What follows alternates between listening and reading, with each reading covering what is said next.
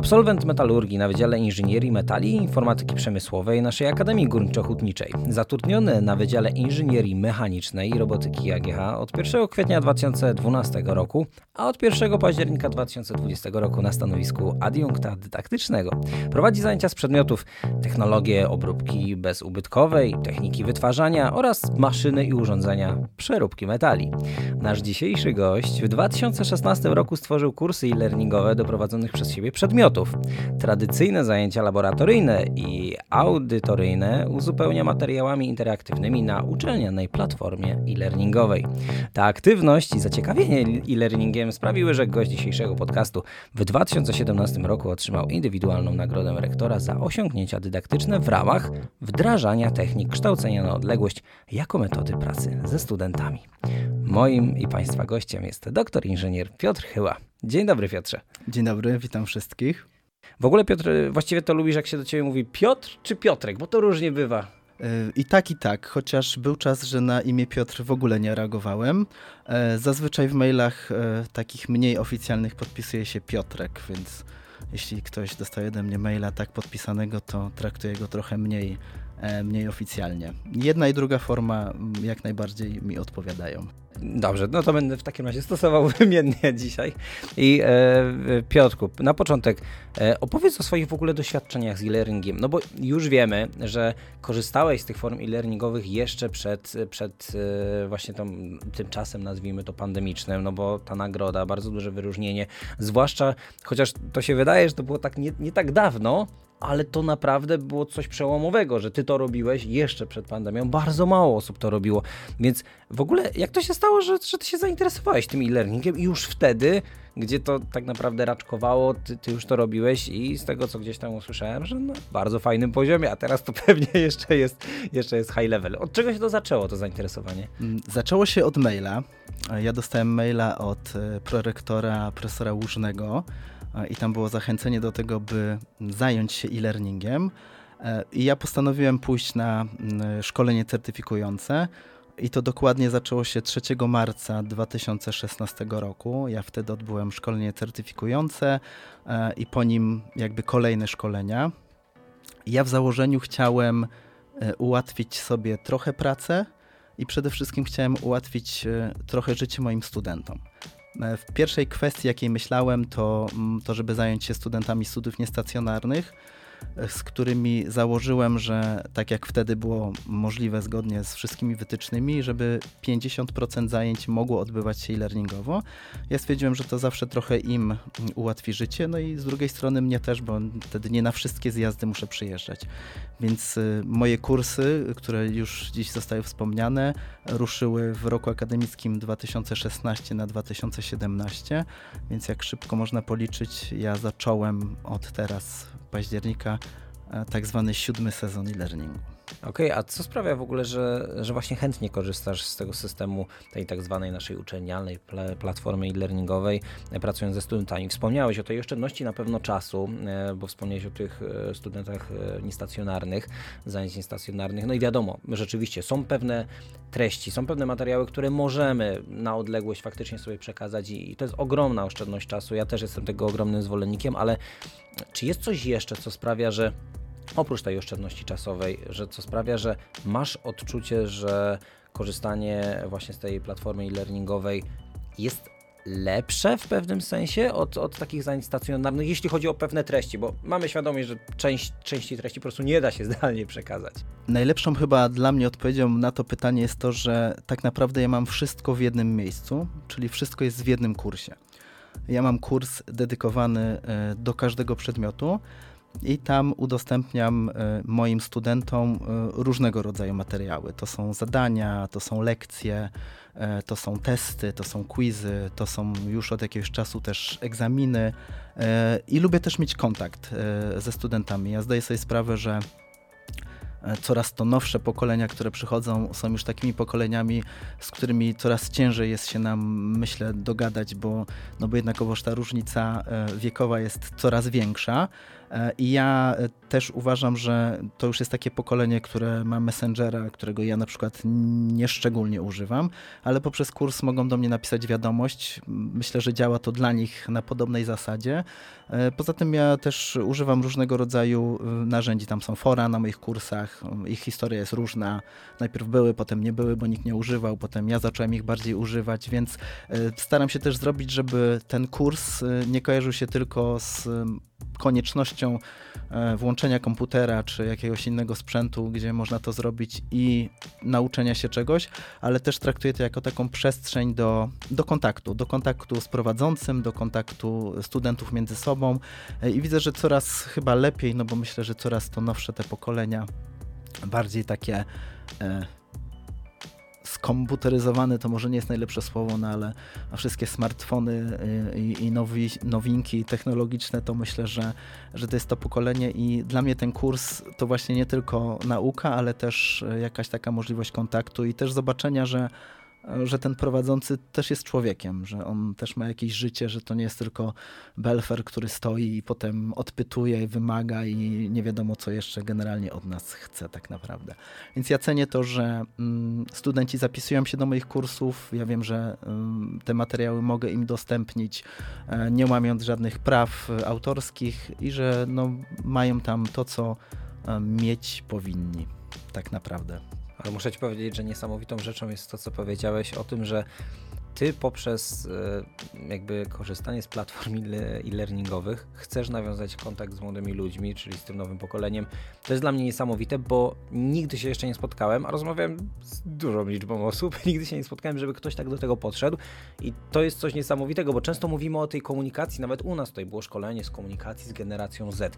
Jest w ogóle takie bardzo mocne, nie wiem, pokazywanie jakby, że to są inni ludzie to nie są inni ludzie, tak jak powiedziałeś, jest różnica pokoleniowa i ona zawsze była. Zawsze to pokolenie wcześniej mówi, a za naszych czasów to było lepiej i tak naprawdę czasami mam wrażenie, że naprawdę wyszliśmy od jakiegoś e, bardzo wysokiego punktu startowego, skoro każde kolejne pokolenie jest w cudzysłowie gorsze, ale ty podchodzisz do tego inaczej tak, to są ludzie, którzy urodzili się z tym telefonem w ręce i dla nich to jest naturalne środowisko. I niestety, albo stety, to już będzie naturalne środowisko i to bardziej my, znaczy wiadomo, że my nie jesteśmy jeszcze tymi, tymi nazwijmy to, e, tym pokoleniem odchodzącym, ale jednak my musimy się raczej przestawić na to, że normalne jest korzystanie z tych narzędzi. Czy te, też właśnie masz takie poczucie? Ja jestem y, tak mogę chyba powiedzieć, mam nadzieję nikogo nie urażając, że jestem tak technologicznie e, taki upośledzony lekko. Ja bardzo niedawno zmieniłem telefon na, na, na smartfona i to raczej z przyczyn już koniecznych. Myślę, że nie wyobrażam sobie, że telefon nie ma klawiatury, na której jakby są guziczki, które można naciskać. I patrząc na moich studentów, to dokładnie to. Myślę, że oni już urodzili się z tym telefonem i dla nich ten telefon jest e, kontaktem ze światem. I ja jestem e, zwolennikiem, bo wszystko ma plusy i, i, też są minusy. Minusem na pewno jest to, że e, spadła zapewne e, taka komunikacja międzyosobowa. Ktoś kiedyś mi opowiadał, że na zajęciach e, e, też używając technik i metod kształcenia na odległość, okazało się, że studenci dyskutują ze sobą poprzez właśnie chyba Messengera, zamiast porozmawiać ze sobą, jak byli w sali. No i to trochę tak jest, że oni, myślę, bardzo mocno już do tego przywykli. Dla nich ta technologia jest e, taką codziennością, z którą ja no, czasem muszę się mierzyć i są rzeczy, które są dla mnie trudne. Więc ja jak się nauczyłem paru trików, że tak się wyrażę, na, na Upelu, no to, to myślę, że z każdym kolejnym szkoleniem też w Centrum e-learningu staram się, e, żeby te kursy były też coraz bardziej atrakcyjne. Poza tym e, ja na samym początku, czyli no załóżmy te 7 lat temu, wyszedłem z założenia, że po każdym sezonie, bo to tak lubię nazywać, pytam studentów, co było dobre, co było niedobre. I tak naprawdę te rzeczy, które oni mi wypisują w tych ankietach, e, powodują, że te kursy ewoluują w jakimś konkretnym, e, konkretnym kierunku, który wskazany jest przed nich, bo mm, ja na część rzeczy bym nie wpadł, no bo mimo wszystko, też powiem brzydko, ja jestem po tej drugiej stronie barykady, tak? Więc ja jako prowadzący zajęcia uważam, że materiały są takie, jak być powinny, są dobrze przygotowane, nie wiem, e, myślę, że wystarczająco jasno tam wszystko jest opisane, ale oni, moi studenci, zwrócą uwagę na to, że im czegoś brakowało, o czym ja pewnie nie pomyślę, no bo, bo nie, nie myślę ich e, trochę perspektywą, no i mimo wszystko to ja uczę ich, więc oni jak chcą się czegoś nauczyć, to, to potem wynajdą. I mm, bardzo wiele rzeczy, które ja staram się wprowadzać i zmieniać w moich kursach e-learningowych jest odpowiedzią na zapotrzebowanie e, roczników poprzednich, tak myślę mogę powiedzieć. Ale muszę ci powiedzieć, że fascynujące dla mnie jest to, że z jednej strony jesteś osobą, która naprawdę na uczelni bardzo wcześnie zaczęła z tych narzędzi korzystać i, no i jesteś jedną z osób, która naprawdę najlepiej je zna. Z drugiej strony mówisz, jestem upośledzony technicznie. Ja, e, żeby nie było, utożsamiam się z tobą w tym momencie, bo ja też tak o sobie myślę, jak młodsi moi koledzy gdzieś mi pokazywali jakieś rzeczy właśnie, nawet takie najprostsze z Instagrama, z, nie wiem, z TikToka nawet, jak zrobić relacje, to ja w ogóle się w tym gubiłem i to strasznie i rozumiem, że mam w tobie przymierzeńca. Zdecydowanie. Ja jak rozpocząłem, e, czyli ten 2016 rok, no to e, dużo rzeczy się nauczyłem. E-learning też wymagał ode mnie e, tak naprawdę sporego nakładu pracy, żeby te materiały, które miałem, które pokazywałem zwyczajnie w salach zajęciowych, tak, wykładowych czy audytoryjnych, przerobić tak, żeby one nadawały się do tego, żeby student mógł zrobić to sobie sam. Tak. Ja też potem pomyślałem, że mm, jak mam studentów w grupie i to jest na przykład dwadzieścia kilka osób w sali, no to wszyscy nie mogą zrobić zadania. I potem pomyślałem, że to może zróbmy tak, żeby ci studenci robili sami to zadanie i w tym momencie mam tak, że każdy mój student musi rozwiązać jakby swoje zadanie. Więc ja mam wtedy ogląd tego tak naprawdę, co grupa umie, co dany student umie i jak możemy iść dalej. I to było dla mnie ogromnym zyskiem ze względu na to, że na zajęciach no to ograniczenie czasowe mm, pozwala na wykonanie, nie wiem, czterech, pięciu zadań, a tak to każdy mój student musi przez te wszystkie zadania, które ja gdzieś tam mam zaplanowane, przejść niejako sam, no bo najpierw e, zapoznaje się z materiałami, które mają mu pozwolić na e, rozwiązanie tych zadań, no i potem dzięki UPEL-owi, który to wszystko sprawdza, no to ja już wiem, co tak naprawdę, w jakim jesteśmy momencie, co mogę robić dalej z którąś grupą, czy, czy faktycznie któryś student mój potrzebuje jakiejś większej pomocy. I tak naprawdę y, uczelniana platforma e-learningowa, o której zawsze mówię studentom, że jest bezduszną maszyną, jest zero-jedynkowa, ona tak naprawdę czuwa nad tym wszystkim i to sprawdza. Więc mnie też odciążyła pod pewnym względem e, sprawdzania tego wszystkiego. Takie kolokwium papierowe napisane przez studentów to myślę, że nie widziałem e, z 5 lat. Wow. No to to jest na pewno niesamowite ułatwienie. Ja też mogę powiedzieć, że drodzy Państwo, absolutnie to rozumiem, bo ja z kolei jestem nauczycielem matematyki, więc, więc tych prac, zwłaszcza jak pracowałem e, chociażby w liceum z uczniami na poziomie rozszerzonym, no to te prace naprawdę absolutnie nie porównuję do kolokwiów, które na pewno były jeszcze większe, ale jednak, jednak prace uczniów na, z matematyki na poziomie rozszerzonym były naprawdę no, solidne do sprawdzania, więc więc naprawdę jeszcze raz wow. E, ale muszę powiedzieć, że przy tym, co mówiłeś, to, to wyszły, wyszedł jeden element, który jest uzupełnieniem jednego z moich pytań, czyli jakie są atuty tego nauczania właśnie poprzez e-learning, że właśnie mamy tę możliwość sprawdzić każdego ucznia, każdego studenta, e, jakie on ma możliwości. Oczywiście znajdą się osoby, które powiedzą, a może ściągnąć, może ktoś mu podpowiedzieć i tak dalej. Oczywiście może tak być, ale tak samo może się zdarzyć w nauczaniu stacjonarnym, że my i tak tego nie będziemy wiedzieć jeżeli, tak jak powiedziałeś, możesz zapytać powiedzmy cztery osoby podczas zajęć, to i tak masz poczucie, że cała reszta nie masz pojęcia, jak, jak to wygląda. A jednak fajnie jest zakładać tą, tą dobrą wolę, że nawet jeśli 20% tych studentów faktycznie ściągnie, od kogoś odpisze, no to ty i tak masz ten progres, że wiesz o większej liczbie osób, czy coś umieją, czy nie, więc to jest, to jest rzeczywiście niesamowity plus.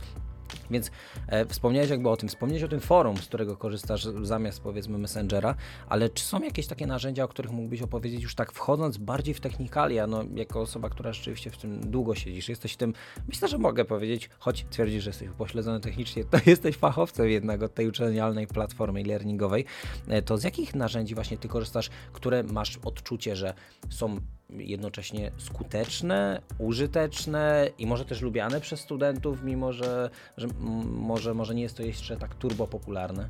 Myślę, że mogę powiedzieć, że jednym z moich ulubionych narzędzi jest lekcja i ona jest tak niefortunnie nazwana na Moodlu. E, tak naprawdę ja w lekcji e, zawieram, przerobiłem swoje prezentacje, które pokazywałem studentom w salach i lekcja jest o tyle fajna, że można przeczytać dany materiał i potem wstawia się stronę z pytaniem. No jeśli student dobrze odpowie na pytanie, idzie dalej i gdzieś tam dochodzi potem do końca tej lekcji. W momencie, kiedy źle odpowie na to pytanie, e, ja mam tak ustawiony system, że wraca go do tej kartki, nazwijmy to roboczo, e, gdzie ten materiał, który powinien przeczytać, i który powinien pozwolić mi odpowiedzieć na to pytanie, przeczyta jeszcze raz. Nie robię jeszcze takich zmian, żeby losowały się pytania po danej części materiału, bo to mogłoby trochę studentów sfrustrować, że no, przeczytał jeszcze raz, a teraz zadaję mu coś innego. Z drugiej strony też, jak tworzyłem lekcję, to doszedłem do prostego wniosku. Chcę zadać fundamentalne pytania, po których jak oni odpowiedzą na nie prawidłowo i myślę, że też bardziej to sobie utrwalą, zapamiętają, będą w stanie iść kawałek dalej. Ja lekcję mm, bardzo polubiłem. Zdecydowanie to jest chyba. E, nie mam kursu, gdzie nie ma lekcji. E, taka jest prawda. E, te lekcje są różnej długości, tak naprawdę w zależności od tego, jaki to jest kurs, z jakiego przedmiotu.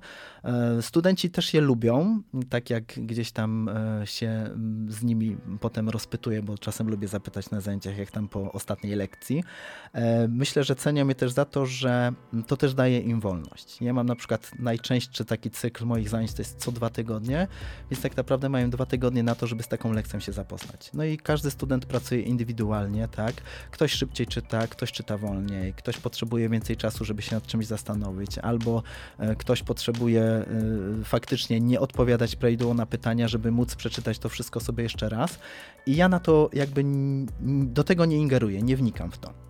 E, wiedzą studenci, że lekcje muszą zrobić przed kolejnymi zajęciami, bo odpowiedzenie na wszystkie pytania prawidłowo. Mm, ja im daję nieograniczoną myśl razy podejścia do tej lekcji, no bo, bo to są studenci, tak? Ja ich trochę rzucam e, przysłowiowo na głęboką wodę, no bo uczą się troszkę sami, tak? Więc e, jakby mogą do tej lekcji podchodzić wielokrotnie e, i jeśli odpowiedzą na wszystkie pytania dobrze, czyli innymi słowy, tak jak mam ustawienie, że muszą zdobyć 100% punktów możliwych do zdobycia z tej lekcji, to dopiero to odblokowuje kolejne rzeczy, które są przed nimi. Ja lubię te, te blokady, bo, e, bo wiem, że student, jak odpowie na te pytania, które ja zakładam, że on musi znać na nie odpowiedź, to wiem, że potem z zadaniami sobie poradzi. I czasem zdarza się, że ktoś rozwiąże wszystkie zadania dobrze, czasem się zdarzy, że ktoś rozwiąże część tylko zadania dobrze, więc ja też już wtedy wiem, mm, na jakim on jest tam, nie wiem, etapie, poziomie, co, co ewentualnie mogę zrobić. Bardzo lubię zadania które właśnie najczęściej po tych lekcjach się odblokowują.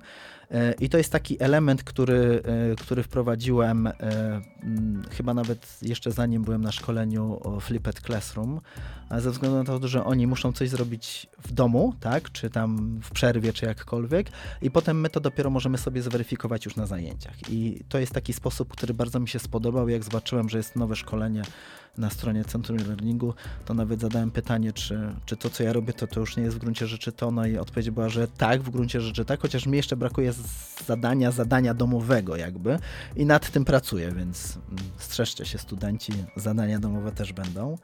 E, lubię testy. E, to jest coś, co e, też gdzieś mam wprowadzone praktycznie od samego początku, e, no bo tak jak już wspomniałem, to sprawdzi się w gruncie rzeczy automatycznie. Student od razu widzi wynik swojego kolokwium czy egzaminu, nie musi czekać zanim ja to sprawdzę. Potem jak są oczywiście jakieś pytania, no to, to oglądamy, sprawdzamy co tam generalnie się dzieje. Wrzucam filmiki, to jest też rzecz, która się urodziła właśnie po pierwszym sezonie e-learningu. Studenci napisali mi, że fajne te materiały, tylko brakuje czegoś, żeby oni mogli zobaczyć, co to tak naprawdę jest. Bo oni o czymś się nauczyli. Ja zazwyczaj w wymienionych przedmiotach uczę rzeczy, które są, myślę, dość abstrakcyjne i coraz bardziej pewnie będą ze względu na te zmiany pokoleniowe. Więc wtedy pomyślałem, no tak, jakby student potrzebuje coś zobaczyć. No ja w gruncie rzeczy widziałem te te tematy, które nauczam gdzieś tam jeszcze na studiach na żywo, więc dla mnie filmik jest zupełnie niepotrzebny. A oni napisali mi w ankiecie, że fajnie byłoby zobaczyć tak naprawdę, co to jest, o czym się tak naprawdę nauczyliśmy.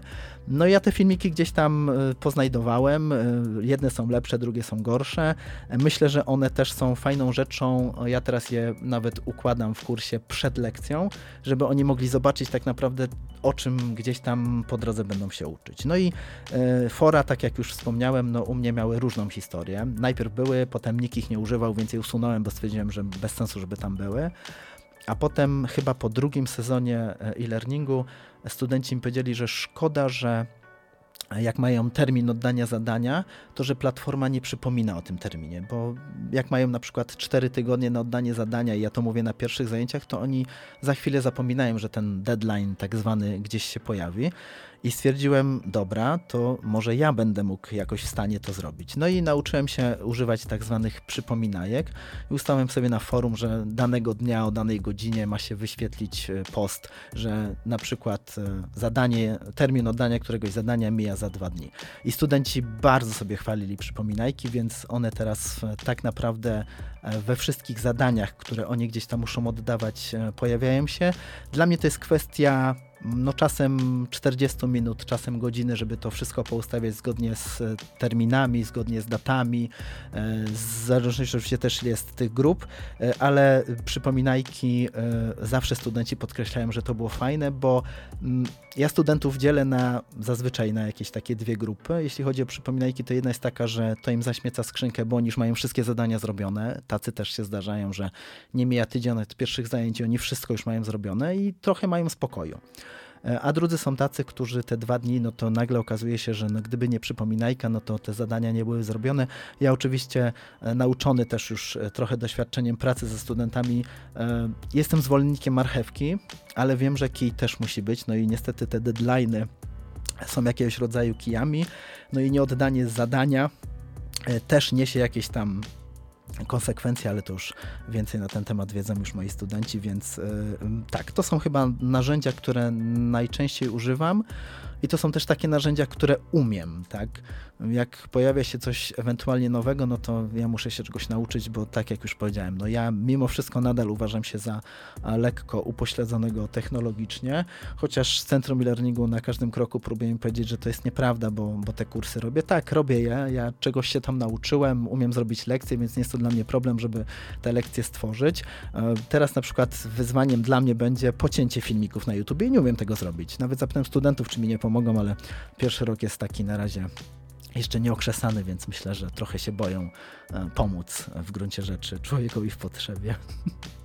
E, jeszcze wracając do lekcji, e, to mam przygotowane tak naprawdę jakby kopię tej lekcji, bo w pierwszej oni odpowiadają na pytania, a drugą zrobiłem taką, że pytania usunąłem i przed samymi zajęciami mój student może sobie odpalić tą lekcję, która jest e, dokładnie tą samą lekcją, którą przerobił wcześniej, tylko usunięte są pytania, nawet tak jest nazwane, że to jest lekcja bez pytań e, i tak naprawdę to jest materiał, z którego mogą już skorzystać stricte przed, e, przed samymi zajęciami i to też sobie chwalą, że tam się czegoś muszą nauczyć, bardziej skupić, a potem mogą już poczytać tak naprawdę te, te same wiadomości, które potem są wykorzystywane w różnego rodzaju testach.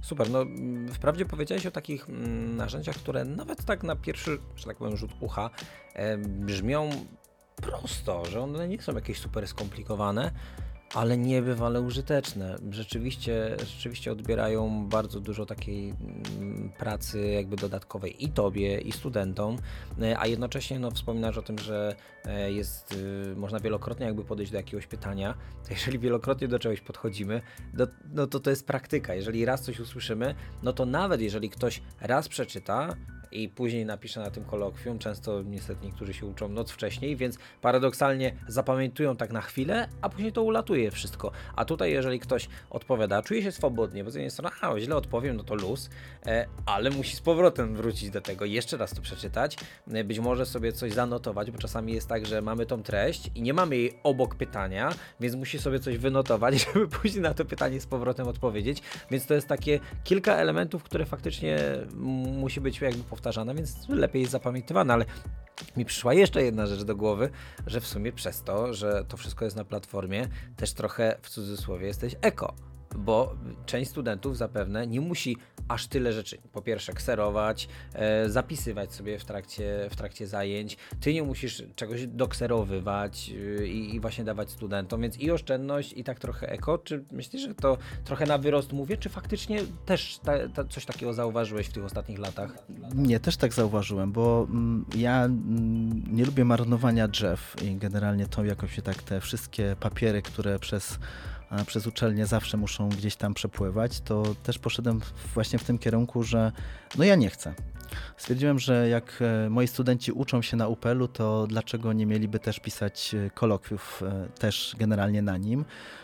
Tak jak powiedziałeś, to jest dla mnie też oszczędność czasu, to jest to, że oni są już przyzwyczajeni, bo jak pod koniec semestru piszemy kolokwium, no to oni już znają wszystkie te narzędzia, już wiedzą, gdzie co mają powpisywać, jak mają to rozwiązać, przed czym e, gdzieś tam ich potem uprzedzam, że jak są jakieś zaokrąglenia w zadaniach, to też ustalamy gdzieś tam na początku, jak to wszystko ma wyglądać.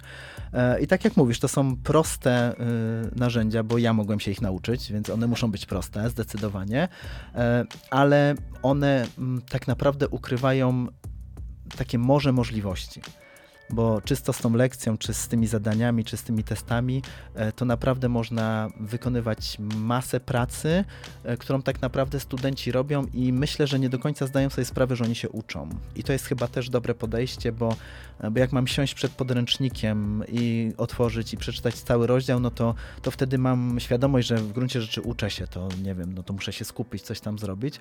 Ja tutaj też cenię to, że, że to jest trochę zarządzanie ich czasem przez nich, tak?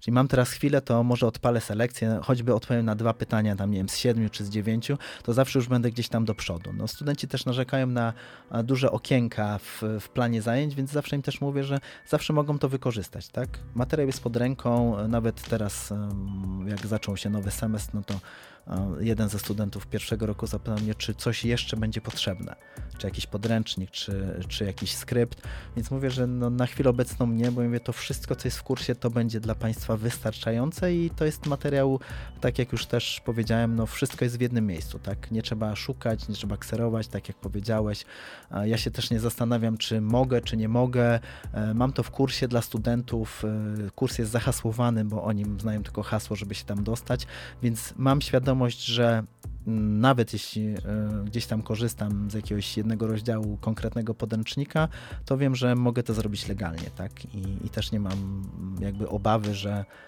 że coś jest nie tak. A powiedz proszę, bo powiedziałeś właśnie o takich narzędziach, które są no, usprawnieniem tej pracy stacjonarnej, tak to nazwijmy, ale czy spotkałeś się z jakimś narzędziem w tej platformie e-learningowej, którego może używasz stale, a może tylko od czasu do czasu, który w jakimś sensie wręcz jest niezastąpione i, nie da się go jakby zrealizować w świecie stacjonarnym? Czy, czy było coś takiego, czy, czy nie spotkałeś się z takim narzędziem, przynajmniej ty dotychczas? Tak jak sobie myślę, to mm, tak naprawdę mm, po tym okresie pandemicznym, gdzie tak naprawdę myślę, że wszyscy dopiero mm, mogli sobie zdać sprawę, co to jest nauka w gruncie rzeczy trochę zdalna, chociaż myślę, że to dalej nie do końca jest rozróżnianie. Dla mnie chyba najsensowniejszym podziałem jest asynchroniczność i synchroniczność działania bo większość moich y, kursów jest nastawiona na tą asynchroniczność. To tak jak nawet czasem się śmieję na zajęciach organizacyjnych tych pierwszych, mówię studentom, że jak mają w planie e-learning między 9.45 a 11.15, to to nie jest czas, że muszą to zrobić że to tylko jest w planie, bo wszystko w planie musi się zgadzać i że to jest asynchronicznie, tak? Czyli mam czas w czwartek o 16, to zrobię sobie to w czwartek o 16.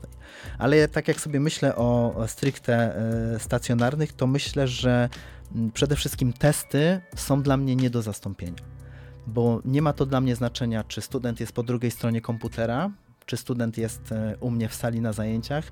Ja poprzez testy tak naprawdę mam zorganizowane kolokwia i egzaminy. I czy one dzieją się w czasie rzeczywistym, synchronicznie, czy, czy w czasie rzeczywistym trochę asynchronicznie, no to w pandemii nie miało to dla mnie znaczenia, tak? Chociaż starałem się e, zazwyczaj egzamin robić taki, żeby oni mieli włączoną kamerkę, no bo to trzeba sprawdzić, czy student jest studentem, ale mm, kolokwium e, i egzaminy są dla mnie niezastąpione też w sali wykładowej, tak? Ja wtedy ich proszę, żeby mieli najczęściej telefon komórkowy, e, odpala się im test, zaznaczają sobie odpowiedzi, egzamin trwa na przykład 30 minut, odpowiadają na 50 pytań, znają wynik od razu, nie muszą czekać, zastanawiać się, kiedy ja to wpiszę do USOSa. Wynik im wyskakuje, wiedzą, jaką ocenę mają, no i kiedy on się pojawi w USOSie, no to, to już regulamin studiów e, nad tym w gruncie rzeczy czuwa. Czyli właściwie możemy chyba powiedzieć, że tą, tym niezastąpionym elementem jest po prostu czas. Czas, y, w jakim student uzyskuje informację zwrotną. Myślę, że to dla nich też jest y, o tyle ważne, że e, ja na przykład wczoraj miałem taki debiut na pierwszym roku ze względu na to, że prowadzę ten przedmiot drugi rok, więc e, zmieniam go od podstaw zupełnie i wczoraj przeprowadziłem tak zwaną kartkówkę e, na kolejnych zajęciach z materiałów z lekcji, które mieli sobie przerobić e, od dwóch tygodni wcześniej. No i jakby kartkówka jest szybka, bo to jest 5 pytań, 7 minut na kartkówkę, maksymalnie 10 punktów do zdobycia i jak student zakończy kartkówkę, widzi jej wynik od razu. Nie musi czekać, zastanawiać się, czy to pytanie mu poszło dobrze, czy niedobrze. Widzi wynik e, no, w zakresie od 0 do 10 co 2. E, I myślę, że to też jest dla nich ważne, bo coś zrobili, i od razu jest tego efekt, tak? Nie trzeba czekać dwa tygodnie, żebym ja potem im e, gdzieś tam wysłał mailem, że ten ma tyle punktów, a ten ma tyle punktów, tylko widzą to od razu i myślę, że to jest też coś fajnego. E, zwłaszcza przy egzaminach. Myślę, że to jest o tyle też fajne, że mm, no, sesja mimo wszystko jest rozciągnięta w czasie. E, no i te egzaminy gdzieś tam się trochę kumulują, bo zazwyczaj jest ich 3 czy 4 w sesji, więc wiadomo, że też student czeka na ten wynik. Dla mnie to też wygoda, no bo oni znają ten wynik od razu. Jeśli są jakieś e, ewentualne zapytania, no to wtedy e, sprawdzamy, która odpowiedź gdzieś tam została udzielona, która ewentualnie nie została, czy tam coś jest.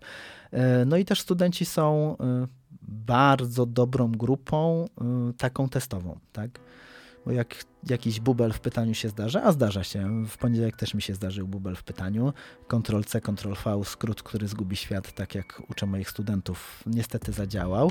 No i y, jakby pyta- było jedno pytanie, a w odpowiedzi była y, zapisana odpowiedź jakby do czegoś innego, no i student nie wiedział tak naprawdę, co ma policzyć, no bo to jakby niestety był mój błąd już.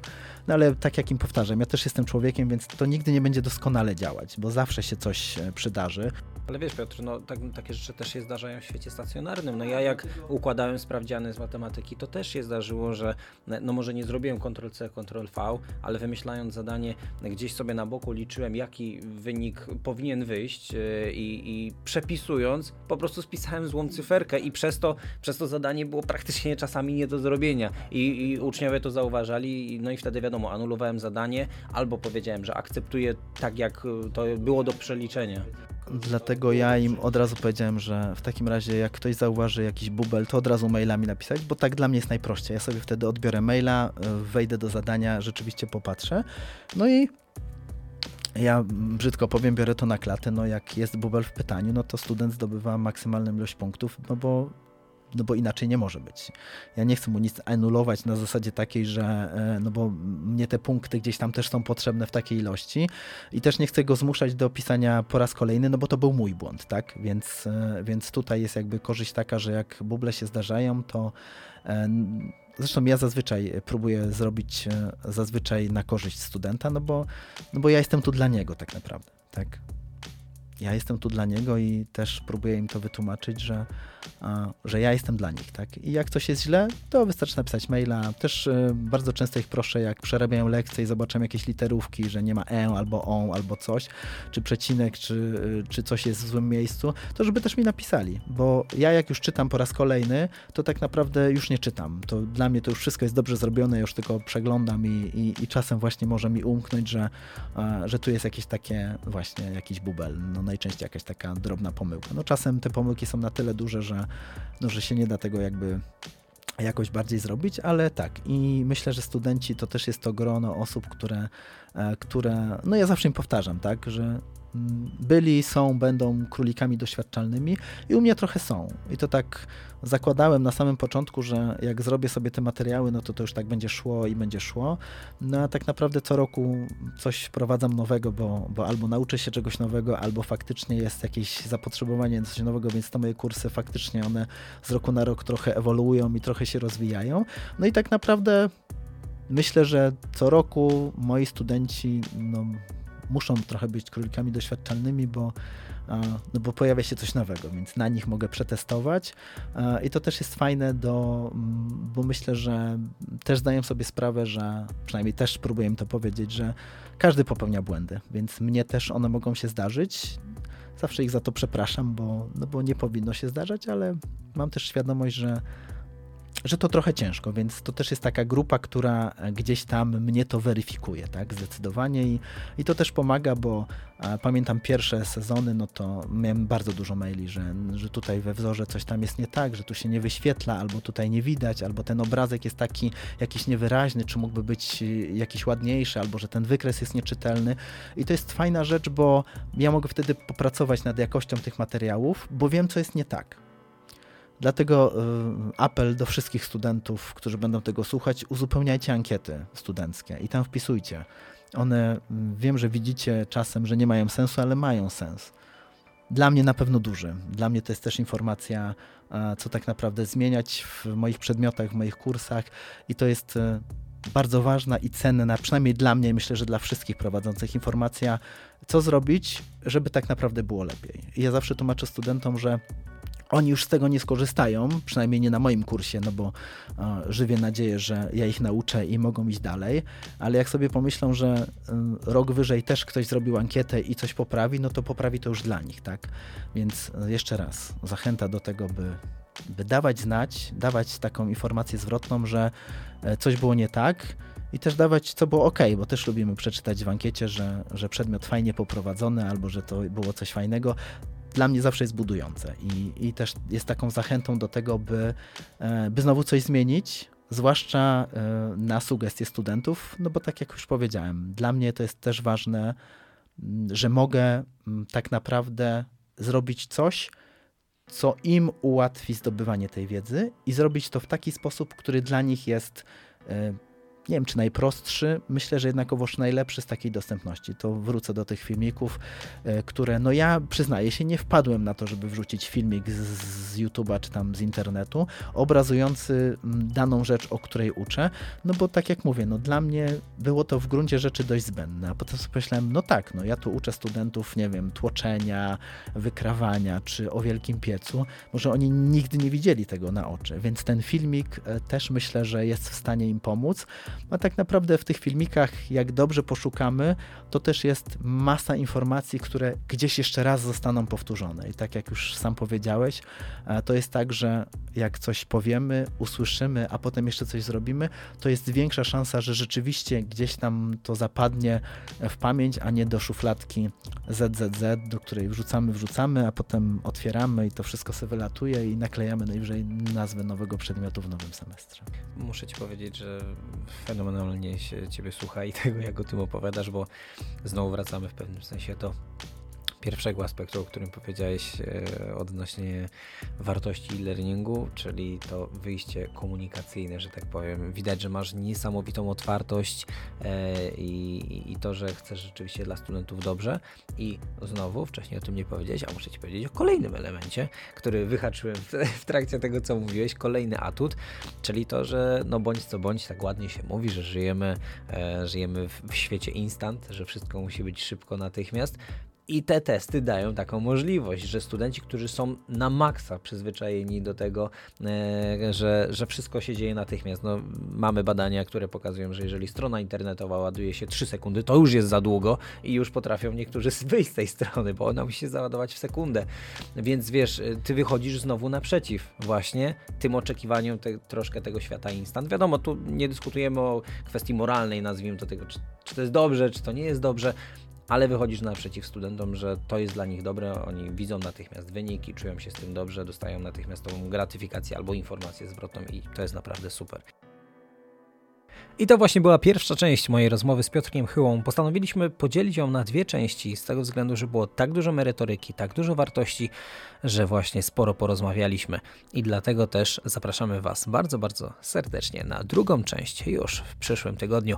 Wysłuchujcie i śledźcie nasze social media i oczywiście stronę Centrum e-Learningu, żeby wysłuchać drugiej części, w której między innymi opowiedzieliśmy o tym i Piotr właściwie opowiedział o tym, jakie widzi plusy i jakie widzi minusy nowej odsłony strony uczelnianej platformy e-learningowej, no i jeszcze dopowiedział o wielu innych aspektach dotyczących e, nauczania zdalnego, czyli nauczania w formie online i tego, jaką to może przynieść wartość nie tylko studentom, ale również e, osobom prowadzącym. Zapraszamy na drugą część. Do usłyszenia.